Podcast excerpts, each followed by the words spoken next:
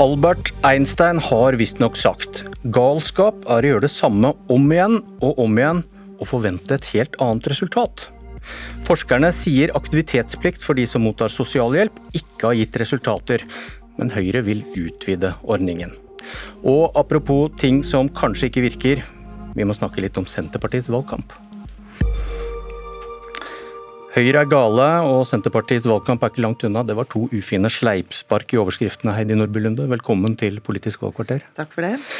Du skal få anledning til å forsvare deg. Det får dessverre ikke Senterpartiet. De må nøye seg med å høre på en som er nesten like smart som Einstein, snakke om dem litt senere. For i 2017 innførte regjeringen en aktivitetsplikt for alle under 30 år som får sosialhjelp. Det kunne være å gjøre ulike jobber for kommunen. Det kan være en praksisplass eller et jobbsøkekurs f.eks. Hvis ikke du er i aktivitet, kan du miste den økonomiske støtten. Nå vil Høyre utvide ordningen til å gjelde alle som får sosialhjelp, unge og gamle. Og Nordby Lunde, du er stortingsrepresentant for, for Høyre. Hvorfor tror dere ikke at folk på sosialhjelp gjør det de kan for å komme tilbake i jobb? Det handler ikke om at de ikke gjør det de kan, det handler jo om at vi også har en plikt til å bidra til at de får muligheten til å prøve seg gjennom ulike typer aktiviteter. Så aktivitetsplikten er jo egentlig dobbel. Det er både en plikt for kommunen å stille opp med aktiviteter som skal hjelpe folk inn i utdanning eller arbeid. Og så er det en plikt for den, de som mottar sosialhjelp til å møte opp på de aktivitetene. Tror du de gjør det de kan? Ja, det tror jeg absolutt. Hvorfor trenger man tvang da? Eh, fordi at vi så, eh, altså Nav-kontorene har alltid hatt mulighet til å, eh, å, bruke aktiviteter som et virkemiddel for sosialhjelpsmottakere, men vi så, store forskjeller mellom de Nav-kontorene som valgte å bruke det, og som hadde suksess med det, og de som det, ikke, ikke, brukte det. og da innførte vi en plikt. Dette er noe annet enn den, den plikten da mottakerne har for å være i aktivitet. Hvis du tror at de gjør det de kan for å komme tilbake i jobb, da trenger du ikke noe pisk. Men det er jo litt på samme måte som vi eh, innførte fraværsgrensa i skolen. Vi tror jo at de aller fleste ønsker å møte på skolen og delta på skolen. Men, men ikke alle, da. men så så vi at med en gang vi innførte en fraværsgrense, så, kom, eh, så falt fraværet, og flere fullførte. Hva, skyldes, det samme... hva skyldes det da at en pisk av tvang får flere til å gjøre som dere vil? Hvis, hvis du mener at alle gjør det de kan. Jo, men jeg mener jo også at eh, staten og myndighetene og fellesskapet har en plikt til å stille opp for de som har falt utenfor, og derfor er aktivitetsplikten dobbel. Nå snakker du om noe annet. Hvis, Nei, du, hvis, hvis, du, tror, hvis du tror at alle gjør det de kan for å komme tilbake i jobb, Hvorfor trenger du en aktivitetsplikt da? Kan du ikke ha tilbud? Ja, men nå syns jeg du gjør deg unødvendig vanskelig. Jeg mener at staten har, plik, har, en plikt til å stille opp. Og også når vi tilbyr da uh, ulike aktiviteter, så setter vi det som krav. For oss så handler det om at det Hvorfor å stille krav er å bry seg. Hvorfor ikke tilbud hvis du uh, grunnleggende sett mener at de som står utafor arbeidslivet, de gjør det de kan for å komme i jobb. Da trenger du ikke en plikt. Og så ser vi allikevel at når vi eh, gjør det om til en plikt og krever å stille krav til de som har falt utenfor, så ser vi at det faktisk bidrar. Er det noen som er litt late? Nei, det handler ikke nødvendigvis om latskap. Det er mange grunner til at man enten ikke takler hverdagen, syns det er vanskelig å komme inn i gode rutiner, som de aktivitetene som kommunen skal tilby, skal bidra til at du får. Hva slags dokumentasjon har dere for at dette fører til at flere kommer i jobb? Erfaringen og Grunnlaget for at vi gjorde disse endringene, var at vi så at Nav-kontorene som faktisk da eh, innførte et krav om aktivitet, hadde stor suksess med det, men det var store forskjeller mellom Nav-kontorene. Og det vi så at noen hadde suksess med ett sted, ønsket vi å replikere til andre Nav-kontorer. Derfor, derfor gjorde vi den endringen, og innførte det som en plikt til at kommunene skal stille opp med aktiviteter, samtidig som at mottakerne skal eh, møte opp på det. Du påstår altså at dere kan dokumentere deg i suksess fra noen kontorer. Hva sa forskningsrapporten om aktivitetsplikten som kom i vår? Ja, Det er jo to forskjellige ting, Bjørn. Fordi Det ene var jo de erfaringene vi hadde før vi gjorde endringen. Og det andre var jo da den forskningsrapporten som du viser til. Ja, og de, som, forskerne eh, sier, de, forskerne sier, at man ser ikke i dag at man har fått store eh, forskjeller eller en eh, stor utvikling i de som kommer inn i arbeid. Men de ser heller ikke at det virker mot sin hensikt. Og Da mener vi at det er riktig å både stille krav, men også stille opp for de som har falt utenfor. Det du sa nå, var at dette virker ikke. Det fører ikke til flere kommer i jobb eller i utdanning, rapporten, viser forskningen. Rapporten sier vel også at det ikke er det motsatte. og derfor mener vi at det... Men Hva er det for slags argument, da? At det ikke gjør det verre? Dere, hvorfor, hvorfor, komme med mer av det samme hvis det ikke gir bedring? Men Vi har jo erfaringer og vi har mange eksempler som viser at de som har fått aktiviteter fra kommunen for å komme seg inn i jobb, utdanning eller annen type aktivitet, det bidrar, eh, det hjelper. og de har vi mange eksempler på. Sier noe annet. Forskningen har funnet ja. ut at nei, det fører ikke til at flere kommer ut i jobb. Så sitter du og sier noe annet. Grunnen til at vi gjorde disse endringene i utgangspunktet, var at erfaringene fra Nav selv viste at denne plikten og disse kravene hjalp folk ut i arbeid. Så innførte vi en plikt for alle Nav-kontorer, og det at det tar tid før vi får til de endringene, det er ikke uvanlig. Men vi mener at dette er et viktig og riktig eh, virkemiddel for å hjelpe folk inn i eller tilbake til arbeidslivet. Ok, Dette var en forskningsrapport regjeringen selv bestilte. Men dere utvider ordningen nå til tross for at den sier at den ikke har effekt, og så peker du på noen andre erfaringer Nav hadde i sommer. I sommer har Høyre angrepet forskere som så på effektene av formuesskatten, også en rapport din egen regjering bestilte. Når resultatene ikke var i tråd med Høyres politikk, var plutselig forskerne dere selv ga oppdraget, ikke skikket til jobben de var forutinntatt. De hadde partitilknytning til Arbeiderpartiet. Hvordan syns du dette ser ut? Synes? Ja, nå deler ikke jeg den oppfatningen av eh, rapporten på formuesskatten, men jeg mener fortsatt at det er en skatt som skader norsk næringsliv og norsk eierskap. Men når det gjelder aktivitetsplikten, så gjorde vi jo endringene på bakgrunn av forskning og erfaringer fra Nav selv. Og når vi ser at det er noe som fungerer et sted, så ønsker vi at flere skal få tilgang på de samme virkemidlene, nettopp for å hjelpe folk inn i eller tilbake til arbeid. Det kan se ut som dere kun stoler på forskning og erfaringer som støtter det dere allerede har bestemt dere for? Ja, Der er jeg faktisk uenig. fordi at Vi lener oss på forskning og erfaring. Når vi gjør endringer, så tar det tid før endringer virker. Og Her ser vi jo fra denne rapporten at det sier at nei, det er mulig at dette ikke har gitt de endringene så raskt som vi ønsker. Men vi, ønsker, vi mener det er for tidlig å si at dette faktisk ikke fungerer, fordi at det var jo erfaringen fra Nav sjøl. Eh, og vi mener at det er en plikt for stat og kommune til å stille opp for de som har falt utenfor. Vi skal stille krav, men vi skal også stille opp. Så aktivitetsplikten går begge veier. Vi har plikt til å tilby aktiviteter som gjør at folk kommer inn eller tilbake til jobb. Og da mener vi også at de som går på sosialhjelp og står utenfor, har en plikt til å møte opp og, og ta i bruk disse aktivitetene for å hjelpe seg selv til å bli selvhjulpne. Ok, Syns du det Einstein sa om galskap var fornuftig?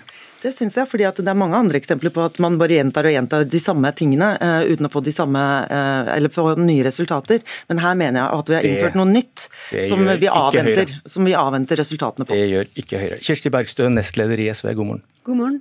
Hvorfor kaller du dette klassepolitikk? Det er fordi at det er pekefingerpolitikk mot eh, folk som trenger hjelp. Og det som kjennetegner denne regjeringa, det er jo raushet med de rike. Mens folk som er syke, fattig, ufør, blir møtt med kutt og krav. Og så handler ikke vår eh, motstand mot denne blinde aktivitetsplikta, eh, som jeg vil kalle den, eh, det handler ikke om å være mot aktivitet. For aktivitet, det vet vi at det er bra. Hvorfor er den blind? Nav finner vel tiltak de tror passer den, til hver enkelt sosialhjelpsmottaker? Den er blind på den måten at det er det som er utfordringa. Fordi at veldig mange standardiserte løp eller tiltak passer ikke den enkelte. Og det vi vet at virker, det er tett og det er individuell oppfølging og aktivitet med mening. Og vi har jo sett Er det en motsetning? At, eh, det kan være det. Det kan være en, en veldig sterk motsetning. fordi hvis du skal ha krav om aktivitet, Eh, ja, så må det jo være fordi at det er noe som faktisk leder til noen ting. At det leder til at du kan stå med begge beina i arbeidslivet. At du får nødvendig kvalifisering til å, å styrke muligheten for, for jobb. Eh, og, eh, og, Derfor så vil jeg egentlig utfordre Høyre og Nordby Lunde til heller å, å tenke i retning av en aktivitetsrett fordi at det er noe annet å bli møtt med en rett til aktivitet, til en meningsfull dag, til noe som kan hjelpe deg på veien, enn å alltid peke med plikter. For det her er folk som eh, som må fylle ut uendelige skjema, som er nødt til å dokumentere behovet for økonomisk sosialhjelp. Og Det er viktig å huske på hva det er for noe. Det er den ordninga som er for dem som ikke kan nyttiggjøre seg av andre ordninger, som ikke er jobb eller andre, andre inntektsmuligheter. Og når vi ser at, at Høyre vil ha den for også de over 30, ja, så snakker vi om en veldig svær og sammensatt gruppe.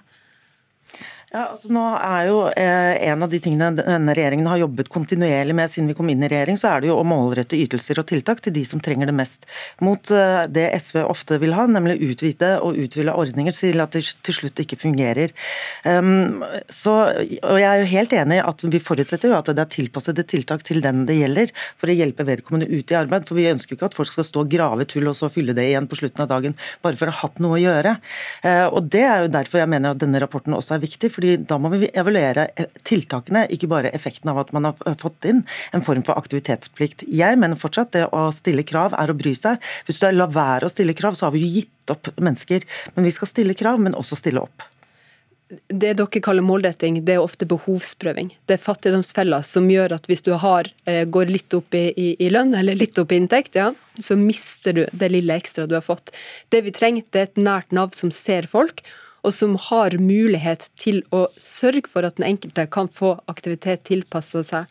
Og Da er det mye bedre å tenke lange løp, tenke på hva det er vi vet at virker, istedenfor å tviholde på på løsninger sånn som aktivitetsplikter, som viser seg å ikke ha noen effekt. Og jeg synes det er underlig at man har en så tydelig rapport som sier at dette virker ikke etter det Høyre sier skal være hensikten for dem under 30, og så kjører man bare på eh, for dem, eh, eh, for de, de andre gruppene. Og Men eh, SV mener jo da at folk vil jobbe hvis de kan. Man trenger ikke frykten for å straffes økonomisk, hvis jeg har forstått logikken deres riktig. Hvor mye bør man kunne få i sosialhjelp og stønader hvis SV fikk styre? Vi ønsker å heve sosialhjelpa, eh, og det er rett og slett fordi at det er vanskelig å leve eh, av den summen som, eh, som du får i dag. Og det å få ned forskjellene og sørge for at folk kan leve bedre liv, det handler jo også om å ikke bli syk av fattigdom. Men bør, bør en kunne få like mye i sosialhjelp og stønader som det en renholder tjener, f.eks.? Altså, Nå legger du sammen stønader og sosialhjelp. Ja, Det man får av offentlige ytelser, da. Vet du hva, det, det, er jo sånn at det alltid vil lønne seg å jobbe. Det, det vil det. Både økonomisk og nå, nå, nå snakker vi penger, og hva slags insentiv penger gir. Eh, bør en kunne få like mye sosialhjelp og stønader som det en renholder tjener? Men når du legger sammen sosialhjelp og stønader, så kan man jo eh, legge på veldig mye uh, ulike ordninger. Ja. Uh, som, uh, som, som, kan slå veldig forskjellig ut. fordi greia med velferden vår må jo være at den skal dekke våre behov og hjelpe oss videre i livet. Men du skjønner, du skjønner hva jeg spør, spør etter, er prinsippet. Bør en kunne tjene, bør en kunne få like mye fra staten som det man kan få ved en lavtlønna jobb? Altså Folk som er uh, ufør f.eks., uh, vil jo kunne det. Uh, men her uh, er det jo ja, Da kan du ikke jobbe hvis du er ufør. Nettopp. Nei, men nettopp. Hvis, man er, hvis, man er, i en posisjon hvor man, hvor man, skal tilbake i jobb, da, bør man kunne få like mye sosialhjelp og, og stønader Eh, som man kan få ved en lavtlønnet jobb. Vi bør ha en sosialhjelp som gjør at du faktisk kan klare deg, eh, fordi vi vet at fattigdom også gir sykdom eh, og, og, og stress. Og Da må jo målet være Husk, sosialhjelpa det er jo for noe du skal ha for kort tid. Det er noe for å komme over ei kneik økonomisk, og som man har en, en veldig kort periode. Og så må vi ha andre løp for de som står veldig langt unna arbeidslivet Eh, og som, eh, som, trenger en ekstra oppfølging eh, over tid. Og Der har vi et veldig fint program som heter Kvalifiseringsprogrammet, som, som kommunene i mye større grad burde få muligheten til å benytte, men som regjeringa har tatt bort de ekstra støttene til. Og Da fjerner man jo de midlene til å nettopp kunne drive tett individuell oppfølging som vi vet at virker, og kan lede til endring over tid. Usikker på om jeg fikk et veldig klart svar. Nordby Lunde, hva skjer hvis man får like mye i støtte som man kan få ved å jobbe? Da skaper du i hvert fall barrierer mot arbeidslivet, sånn at det ikke lenger lønner seg å, å jobbe. Og jeg syns det er urettferdig mot de som kanskje er delvis uføre, som ønsker å ta seg arbeid, eller de som ønsker å gå inn i arbeidslivet. At vi ikke bare stiller krav til at uh, de skal gå inn i arbeidslivet, men at de skal tape økonomisk på det også. SV fører konsekvent politikk som fører folk ut i vedvarende fattigdomsfeller. Det har denne regjeringen jobbet kontinuerlig med, å målrette ytelser og tiltak til de som trenger det mest, istedenfor å utvide ordninger, som SV vil. Du så så fornærma ut når jeg stilte spørsmål til Nordby Lunde, så du får få en slags eh, sluttreplikk eh, her. Altså, det her er jo ikke et spørsmål om eh, det skal lønne seg å jobbe eller motta ytelser fra, fra, Nav. Det er ikke det vi snakker om. Her er folk med store behov. Og sosialhjelpa det er den siste skanse for folk som er så skjelven på hånda at man knapt kan fylle ut et skjema. Og det er jo, det er jo også den gruppa vi snakker om her. Og da er det viktig å se på hva det er som virker, for at den enkelte faktisk skal kunne få hjelp. Det er derfor vi har velferd og fellesskap, og det vil vi styrke. For det har blitt sterkt svekka gjennom åtte blå år. Det banker på døra. Jeg må si takk for debatten.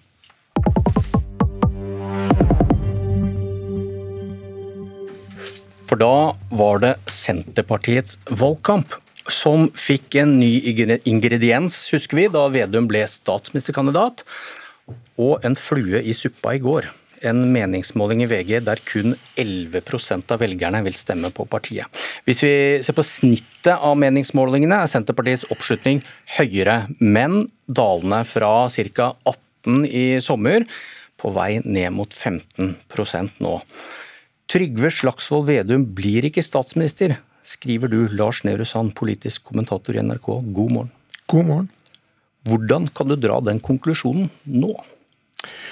Det ene handler om tendensen i valgkampen. Den har ikke kommet i det sporet Vedum hadde trengt for at denne eh, strategien skulle lykkes fullt ut. Eh, han er alene om dette, så det vil være vanskelig å, å samle andre partier om en sånn strategi etter et valg, så fremt ikke Senterpartiet f.eks. blir eh, størst. Og Det henger sammen med en annen ting, nemlig at Arbeiderpartiet har ikke kollapset. Det er Senterpartiet som har gjort det. og da taler alt for at eh, Vedum ikke eh, blir statsminister, sånn som jeg ser det.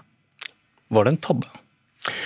Ikke nødvendigvis. Jeg tror denne strategien har bidratt til en unik posisjonering av Senterpartiet, som kunne blitt tatt for gitt av Arbeiderpartiet, som kunne havnet i skyggen for alle velgerne, eh, dersom de bare var på lag med Arbeiderpartiet, og pressen hadde syntes det var mye gøyere å snakke med Støre om hva som skulle bli det nye alternativets eh, politikk. Eh, nå er Senterpartiets leder en selvstendig statsministerkandidat for et selvstendig regjeringsprosjekt Støre jo ikke snakker om, og Støre sannsynligvis ville avlyst, nemlig en topartisregjering, som, som Vedum jo håper får flertall, men som han er villig til å regjere med også i, i et eh, mindretall. Eh, men han må nå vekte det at han ikke kommer i skyggen, med at han nå står på en scene som kanskje er for stor, og uansett veldig flombelyst. Eh, og det har satt han i, i, den posisjonen som har gjort at, eh, at jeg tror tendensen for han er, er fallende. Ja, Er det årsaken? Er det grunnen til at Senterpartiet mister velgere nå? Jeg tror i hvert fall at vi må se det som naturlig at når Senterpartiet ser annerledes på seg selv, så ser også omverdenen annerledes på Senterpartiet. Det som skjer nå, eh, sånn som jeg tolker det, er at flere som tidligere har sagt de kunne stemme Senterpartiet, nå setter seg på gjerdet, eller velger eh, å gå tilbake til borgerlig side for de velgerne som kommer derfra. Eh, det, det, er i hvert fall tallene at Senterpartiet går tilbake og rundt 4 prosentpoeng i VGs måling, men Arbeiderpartiet ikke går nevneverdig frem på den samme målingen. Ja, for mange sperret øynene opp over denne målingen i går. da. 11% i Vedum og Senterpartiet og Støre og Vedum ville da blitt avhengig av SV og Rødt eller MDG for å få et flertall. Hva vil det bety for valgkampen hvis dette bildet skulle bekreftes av flere målinger, at de blir avhengig av MDG eller Rødt? Ja, for det at eh, Den tendensen bekreftes er jo et viktig premiss her. Men skulle det skje, og det, det håper jo borgerlig side alt i verden på, og, og, Støre har grunn til å frykte det tilsvarende, eh, så vil det gi en helt ny dynamikk i valgkampen. Fordi det bidrar til økt press på de tre rød-grønne partiene, som nå ikke kan snakke om seg selv som en allianse, men, men må ta hensyn til hvordan man skal forholde seg til eh, Rødt eller MDG. Og det gjør jo øker, når det det økt press, så øker det faren for at noen gjør eh, feil. Jeg tror flere velgere kan sette seg på gjerdet hvis det blir en usikkerhet rundt eh, det regjeringsalternativet. Og så håper selvfølgelig borgerlig side på økt mobilisering eh, for sin del, eh, dersom det blir mer rød-grønt kaos, og også eh, danner seg et bilde av at eh, Støre og Venum kan bli avhengig av de mest radikale partiene på venstresiden for å få flertall, om så for et budsjett. Statsminister Erna Solberg så fornøyd ut i går, sier hun har tro på valgseier og advarer mot Rødt eller MDG. Tiden vil vise om hun har grunn til å være optimist. Takk til Lars Nehru Sand. Dette var Politisk valgkvarter. Jeg heter Bjørn Myklebust.